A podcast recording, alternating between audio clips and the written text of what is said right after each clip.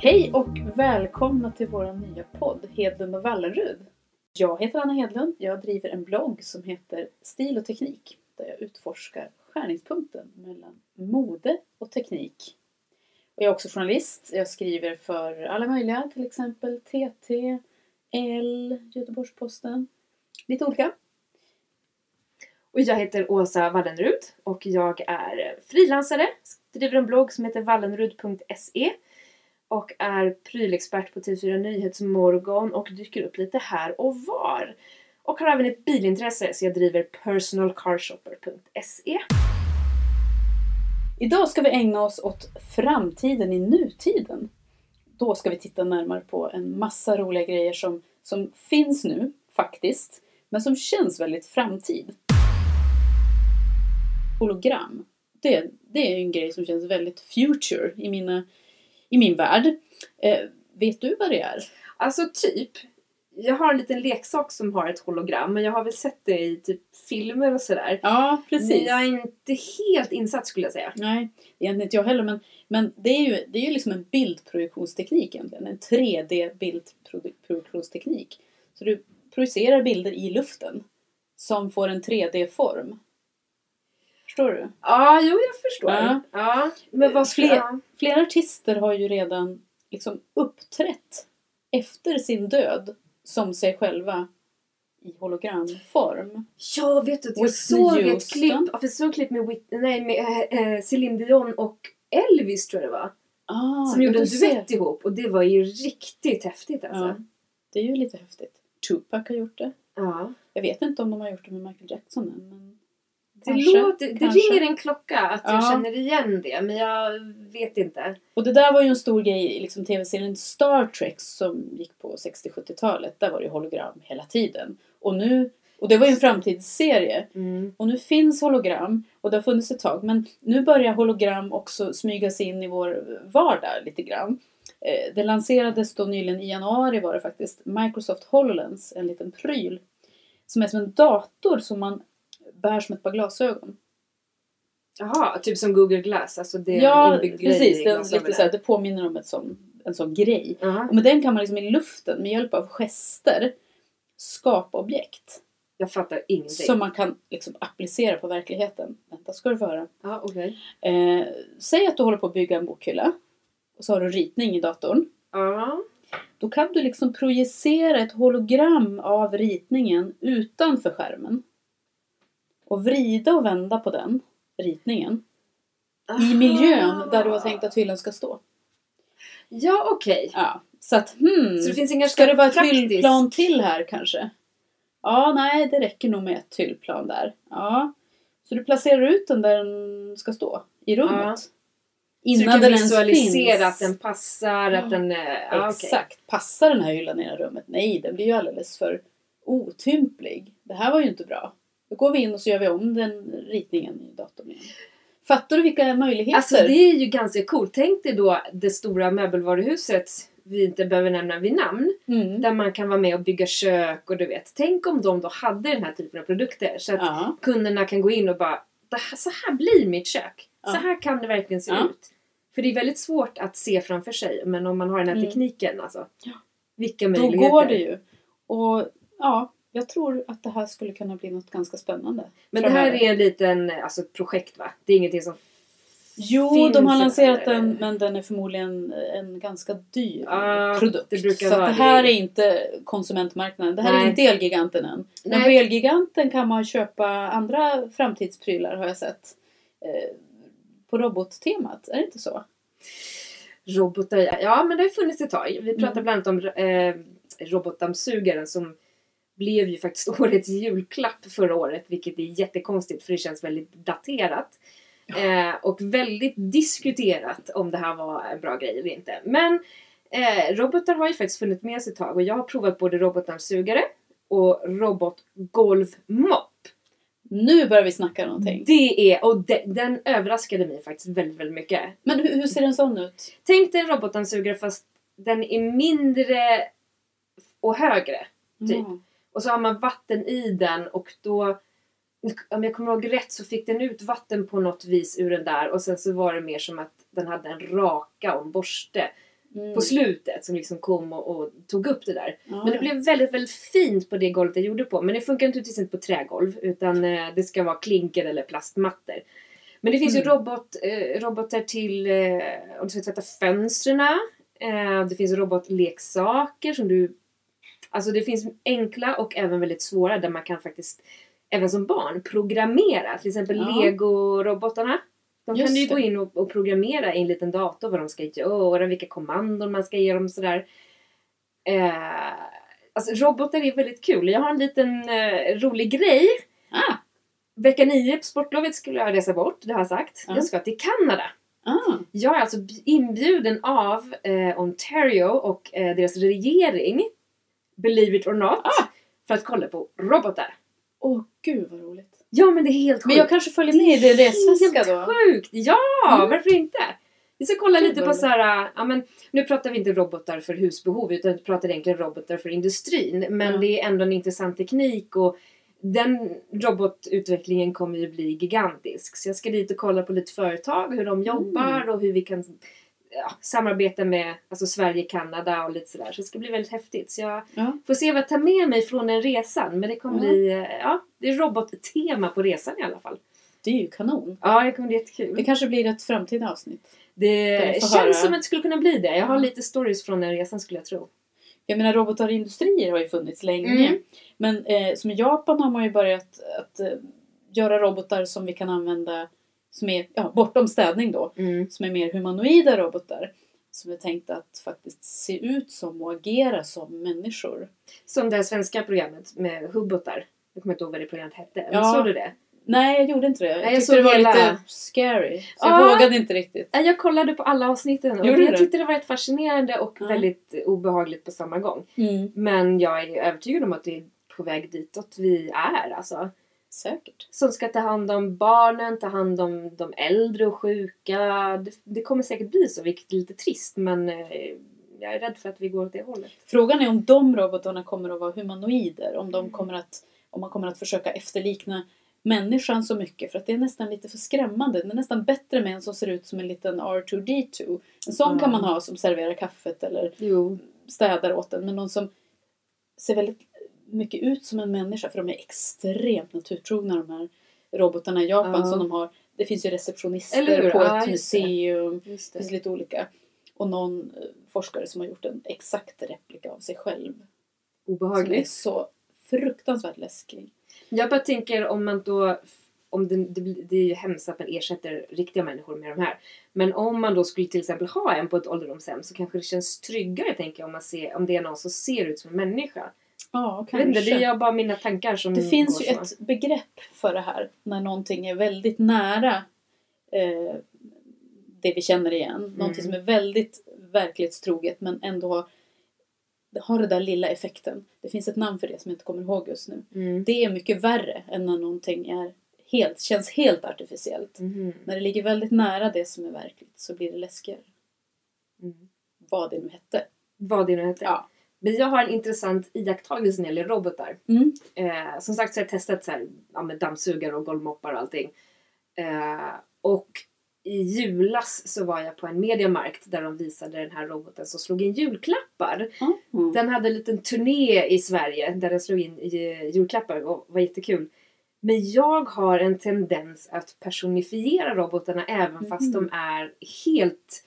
Alltså det, fin- det, är, det är bara en maskin Mm. som inte ens har ett ansikte. Men jag, är- det är jätteroligt för robotdammsugarna börjar jag ha som en hund. Alltså jag börjar prata med den. Ja men det är ju verkligen så. så här, Ja. ja, men, Åh, är du trött nu lilla vän? Ja men och gå och ladda lite. Och du kan fortsätta sen. Nej men har du fastnat i sladdarna? Så där håller jag på. Jag känner mig jättedum. Men så gör jag. Och även den här ytterst omänskliga roboten som slog in julklappar. Det var en klump med två armar. Mm.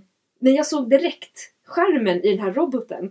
Ja. Och ville ge den ett namn och Ja. ville klappa den och tyckte att den var söt. Jag förstår inte varför. Men en robot är någonting annat än bara en maskin. För att du känner ju inte sådär för kopiatorn. Eller? Det kan, Eller? Nej, det gör jag inte.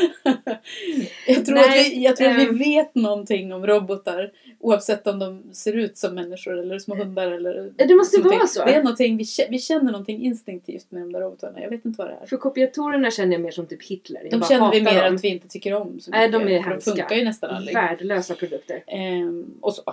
När man tänker robotar och tänker framtid så är det ju alltid med ett visst mått av det är alltid fascination men det är också lite skräck. Ja, Just det är det. Ska robotarna ta över? Men hur ska vi övervinna den där skräcken då? Är det genom att ha dem som de här väldigt vardagliga prylarna? Jag tror att man generellt är rädd för robotar för att det är teknik. Mm. För att teknik i sig är en rädsla. Teknik är skräck också för att man inte är säker på att den kommer funka. Eller att den kanske kommer balla ur. Mm. Alltså tänk om du har en robot hemma som bara helt plötsligt får någon kortslutning och typ mm. spraymålar väggarna och kastar ungarna ner för trappan. Inte Den största jag, men- skräcken är att den ska bli smartare Smartare än oss själva. Artificiell intelligens är ju ändå någonting som man jobbar ganska hårt med när det gäller just robotar. Att Ja, de ska ju sant. förstå saker på ett plan som... Du kan ju naturligtvis programmera en robot att göra vad som helst Ja. egentligen. Men det som De är målet med många själva. är att de ska kunna dra slutsatser själva Ja. och så. Eh, och det är väl där, där tycker jag i alla fall min skräck ligger. Ja, du har den det där. är ju lite läskigt alltså. Den har jag inte ens tänkt på. Jag tänker bara att den ska få en massa knäpp och göra galna saker. Att jag inte kan stoppa den. Ja. Det är så jag tänker med självkörande bilar. Det är också Ja, samma just det. grej. Det har ju hänt mycket incidenter. Eh, som man inte själv kan styra över eftersom den går, alltså den kör av sig själv. Mm. Att den skräcken lever liksom i om Den lever i en robot. Apropå robotar så stötte jag ju faktiskt ihop med några robotar på modeveckan Ja, det var ju på. Fashion Week här i Stockholm. Mm. Det var, jag vill höra jättemycket om det, för Ja. jag var inte där. Det var liksom kanske inte så häftigt som det först låter. Men, men eh, det var ju tema mode och teknik på modeveckan. Som jag ska Coolt. bara berätta lite kort om. Man tänker ju mode, teknik. Ja, det är inte alldeles självklar koppling kanske. Men den blir mer och mer självklar, den kopplingen faktiskt.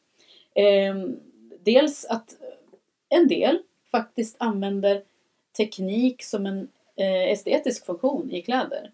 På en väldigt grundläggande nivå. Man liksom eh, integrerar eh, LED-ljus i kläder för att ge en effekt. En Ja, vacker effekt. Det finns ju många exempel på det. Melodifestivalen. som har... Melodifestivalen? Ja, men Dan eller vad det var. Han hade ju LED i ja, hela det. kläderna Ja, och så precis. var det så konstiga, coola effekter. Ja men precis, den Mm. grejen. Och det finns ju designers som har kört ut jättevackra kläder på, på catwalken med väldigt så diskreta, det är bara lite, det Mm. som en glöd nästan i plagget.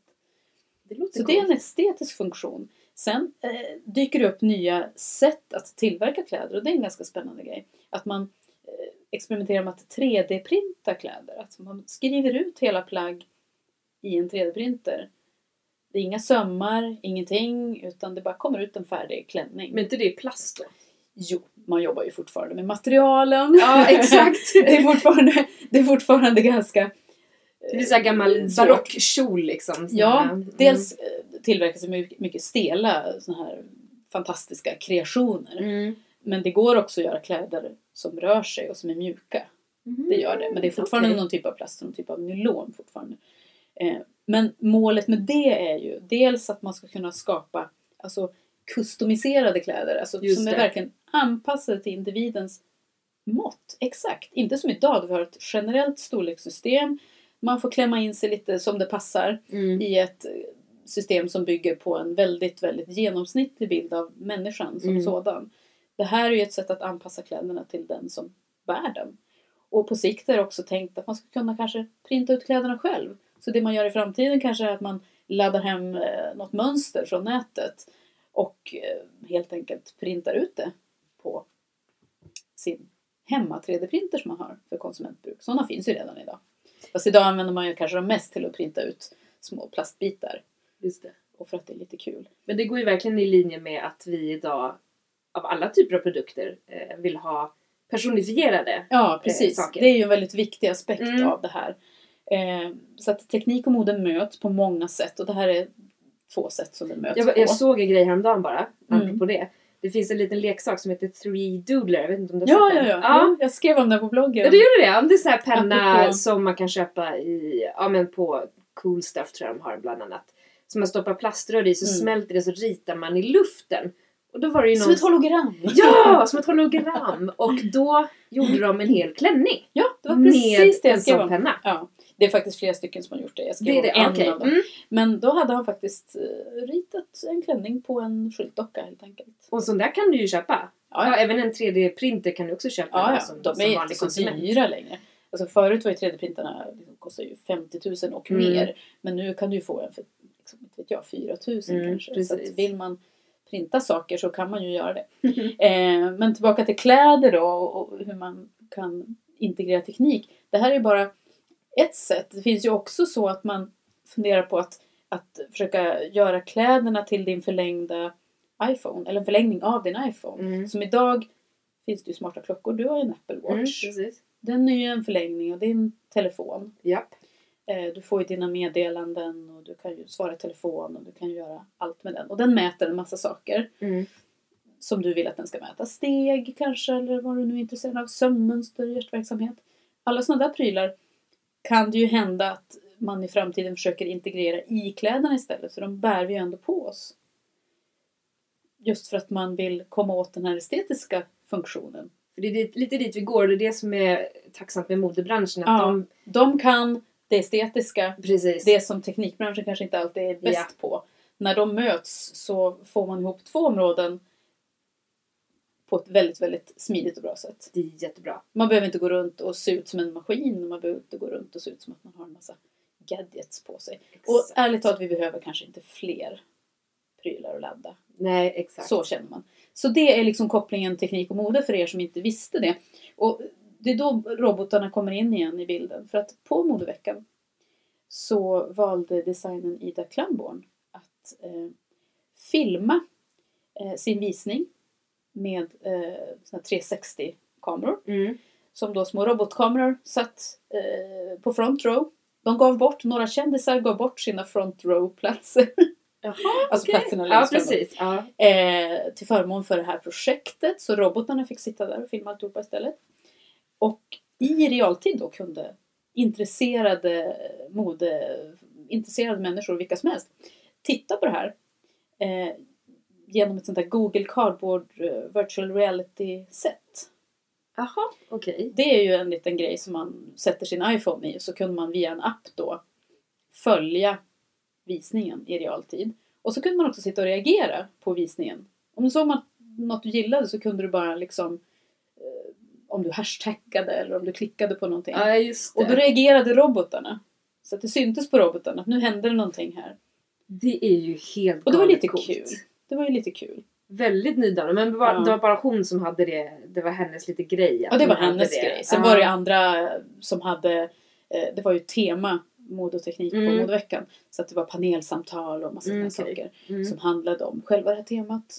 Vad är, det kallas ju för fashion tech. Vad är Mm, det för någonting? mm. Vad kan vi göra med det? Det är en spirande, ett spirande område där det händer massor av saker. Men det gjorde hon. Det låter Och jättecoolt. då använde hon sig av då Googles det här virtual reality-sättet som heter Cardboard. Som är gjort av kartong. Känns ju extremt liksom low tech det här. Verkligen. Men Men, vad- det är ju så sjukt anpassat till vem som helst. Eller hur? För ja, det finns några som fortfarande har en dum telefon. Det har jag faktiskt sett eh, med mina egna ögon. Men alla andra som har smart telefon kan köpa en sån här Google Cardboard på en eh, elektronikbutik eller någonting. För under, ja, jag tror alla kostar under 100 kronor. Så det är en bit kartong, eh, en platt kartong som man då tar isär och så viker man ihop allting. Och så stoppar man i sin mobiltelefon, det behöver inte vara iPhone, det kan vara alla smarta telefoner. Och så laddar man ner en app. Eller om det är flera appar, jag är lite osäker där om det är en eller flera. Och så kan man se virtual reality. Så man kan alltså gå omkring i olika miljöer. Antingen tittar man på Fashion Week eller så kan man gå in på museum eller ja, titta runt. Alltså det, är- det är en otroligt häftig grej. Ja. Eh, Men förklara mer egentligen vad det innebär med virtual reality. För att visst, att titta på en, en modesändning i realtid, det låter ju... Det kan man ju göra. Ibland streamar de ju visningar. På nätet. Precis. Men vad är det som skiljer att se det på det här sättet? Vad innebär det egentligen Alltså, att se det i virtual reality Ja men precis, för det är ju en virtuell miljö.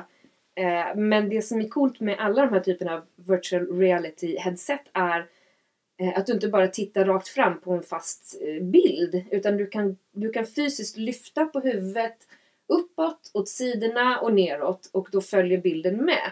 Så att du har en, en mycket större vy som du kan röra dig i.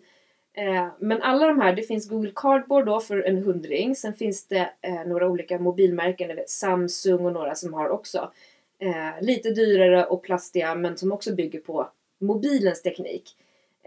Men det de alla har gemensamt är att du måste, eller du kan bara, stå stilla och sen röra på huvudet eller röra på det här headsetet. Men det finns också en som har tagit steget lite, lite längre. Eh, som, eh, jag var på IFA som är en konsumentelektronikmässa i Berlin som går av stapeln varje september. Eh, så jag var där förra året och var hos HTC som har utvecklat då en betydligt mer avancerad sånt här headset.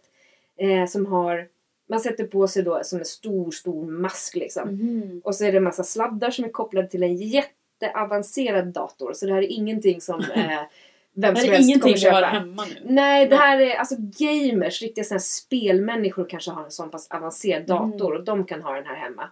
Eh, så den kräver ganska mycket. Men hela headsetet har kameror runt hela som känner av rummet. Så att du ska Ah, befinna dig i ett fyrkantigt rum med fyra väggar och ett golv. Men jag kan gå. Jag kan fysiskt gå och då också gå i den virtuella världen. Alltså du står inte bara och liksom Jag står inte bara stilla. nu. Nej, jag kan För gå ner det på måste man göra med de andra. Ja, Då kan måste man stå stilla. Du- Ja, det händer, Ah. alltså du kan gå framåt men det Ja, händer det ingenting. Nej, du kan sitta ner, alltså du kan göra vad du vill men Mm. här märker den om jag sätter mig ner, om jag står på knä, om jag hoppar, om jag, alltså den, den har koll på allt. Ja. Eh, vilket var så coolt för då kunde jag till exempel gå, jag helt plötsligt befann mig på havets botten, jag stod på ett vrak. Och så är det så här reling på båten och om man går fram till den så ser man ju då det här djupet. Mm. Och då direkt så är ju jag där så jag vågar ju inte ta ett steg till för då kommer jag ju ramla ner. Ja, Så jag står ju där och tittar ner och vågar inte gå. Jag, jag blir filmad hela tiden så jag Ja. har sett mig själv Så och när ser jag man hur du reagerar. står där och bara Ja men precis, trevar. vågar inte gå över mattkanten liksom. Det är så himla roligt. Och så har de även då gjort två saker man kan hålla händerna. Eh, och då får man olika händer beroende på vilken Mhm. miljö man är i. Så jag lagade mat till exempel. Det var som två mussehänder jag såg på. Ah. Som kunde lyfta produkter så här. Ja. Så att jag kunde liksom lyf- öppna en kylskåpsdörr, ta ut en tomat, gå iväg med den till spisen och lägga den i en kastrull. Oh. Så att det blev otroligt eh, häftigt. Så det Ja. blev ju nästan på riktigt. Eftersom att det egentligen är på där riktigt. är ju så spännande. För att de hade ju på Liljevalchs under hösten, jag vet inte om den utställningen går fortfarande, men det var en utställning som faktiskt eh, touchar lite grann det här med mode och teknik. Utopian Bodies heter den. Ehm, och där var det faktiskt så att de hade en, en virtual reality-upplevelse där. Jag har inte testat den själv, men där gick det ut på att du skulle liksom nästan få kliva in i en annan eh, persons... Eh, alltså att du skulle få uppleva hur det är att vara en annan person. Ungefär som att jag Oj. skulle få känna hur det är att vara du på något vis. Aha. Eh, så att förklara för mig hur det här går till. Nej, jag Eh, förstår faktiskt nej. inte. Men det var i alla fall det man kunde göra. Vad coolt! Ja, och jag tror att det, det är ju en sån där grej som... Tänk vilka möjligheter det skulle öppna för att förstå varandra bättre. Ja, Om jag får sätta mig in i... Om jag får liksom en fysisk upplevelse av att vara du förstår jag dig på ett Mm. helt annat sätt. Mm. Och det kanske man behöver mer i den här världen idag. Jag vet inte. Jag tänker också så här, upplevelse. Tänk om du rullstolsburen till exempel. Ja, precis. Och kanske känner att jag kommer aldrig kunna... Nu kan man i och för sig göra ganska mycket även om man är rullstolsbunden. Ja. Eh, Men tänk att man kan uppleva saker eh, med det här vir- virtuella headsetet istället. eh, Mm. Som du kanske inte kan göra annars. Eller du kanske inte har det så bra ekonomiskt som många kanske inte har. Och kan inte åka till Louvren i Paris eller whatever. Då kan du kanske låna ett headset och så kan du kliva in för du kan ändå liksom vara där. För det Man får är så pass en äkta. aning om Ja men det är det. Sen är det också ett sätt att, för den som inte har rullstol att pröva på hur det skulle vara också. Absolut. Kanske. Absolut. Återigen det här att Åka liksom förstå skidor eller... ja, eh, ja. Nej, det, det, Ja. mm, det finns en, en framtid där och jag tror att Ja. många går åt det hållet. Det, det är en tydlig trend att virtual reality kommer att bli en stor grej. Ja. Det är så lustigt för att när jag började skriva om det här, om virtual reality, eh, igen nu för i början av förra året eller någonting. Då kände jag så här, men virtual reality, det känns ju, alltså var inte det lite 90-tal? Ja, just Det är som att virtual reality kom då och sen hände det inget. Och sen så lämnade vi det där lite grann och nu kommer det tillbaka. Fast nu kanske man har slipat på vad det nu var som inte funkade då. Och har fått till det. Det kanske passar vår verklighet bättre. Jag tror tekniken äntligen har kommit ikapp det Ja. man egentligen ville ha då. Mm, Jag tror det är det det handlar om. ja. Även det med hologram. Eh, ramlar våra väggar ner här. Eh, med hologram som också funnits länge. Men jag tror Mm. tekniken har kommit så pass långt idag att idag är det mer hanterbart. Du kan göra Ja. mer. Man kan hitta ett sätt att applicera det på den verklighet Mm. vi faktiskt har. För att Precis. förut var gapet för stort Ja. mellan verkligheten och Mm, eh, den här precis. superhyper-techno-grejen. Mm. Nu är det inte så konstigt längre. Nej det är faktiskt inte Och det är det. det som är så kul. Framtiden i nutiden var det va? Framtiden, nutiden. Ja, ja. Vilket får oss kanske att tänka lite grann eh, bakåt också. För vi har ju ett stående inslag i den här podden som heter Just Dagens historiska techkvinna. För vi vill ju gärna visa på att eh, kvinnor har ju faktiskt inte bara de senaste typ två decennierna eh, hållit på med teknik på olika sätt. Utan det har de gjort bra länge. Men det har inte riktigt lyfts fram utan det har Nej. varit herrarna i historien som har lyfts fram. Ja, men nu tänker vi lyfta fram damerna lite mer. Och då tänker jag ju på Margaret Hamilton. Hon är 79 år idag, men på 60-talet så var hon med och utvecklade programvaran till Apollos rymdprogram. Alltså hon, hennes programmering hjälpte astronauterna att landa på månen. Wow, det är värt en applåd! Heja Margaret säger jag! Shit vad coolt! Eh, och hon var ju liksom i minoritet som kvinna i den världen då. Ja. Och blev jätteifrågasatt för hon var ju samtidigt gift och hade barn. Åh herregud, Hur det gick det att här ihop nu då? Vem liksom? tog hand om barnen? Vem tog hand om barnen? Eh, men det gick ju och hon verkade strunta i det där och bara äsch, men jag gör det här för det här gillar jag. Så därför säger vi hurra för Margaret Hamilton. Nästa vecka kommer vi röra oss lite mer i vardagen än vad vi har gjort idag. Ni kan såklart alltid mejla oss, ge oss lite ris och ros, beröm eller eh, kanske ge förslag på vad vi borde prata om här i podden. Eh, Mejladressen är hedlundvallenrud@gmail.com Det var allt för oss. Vi hörs!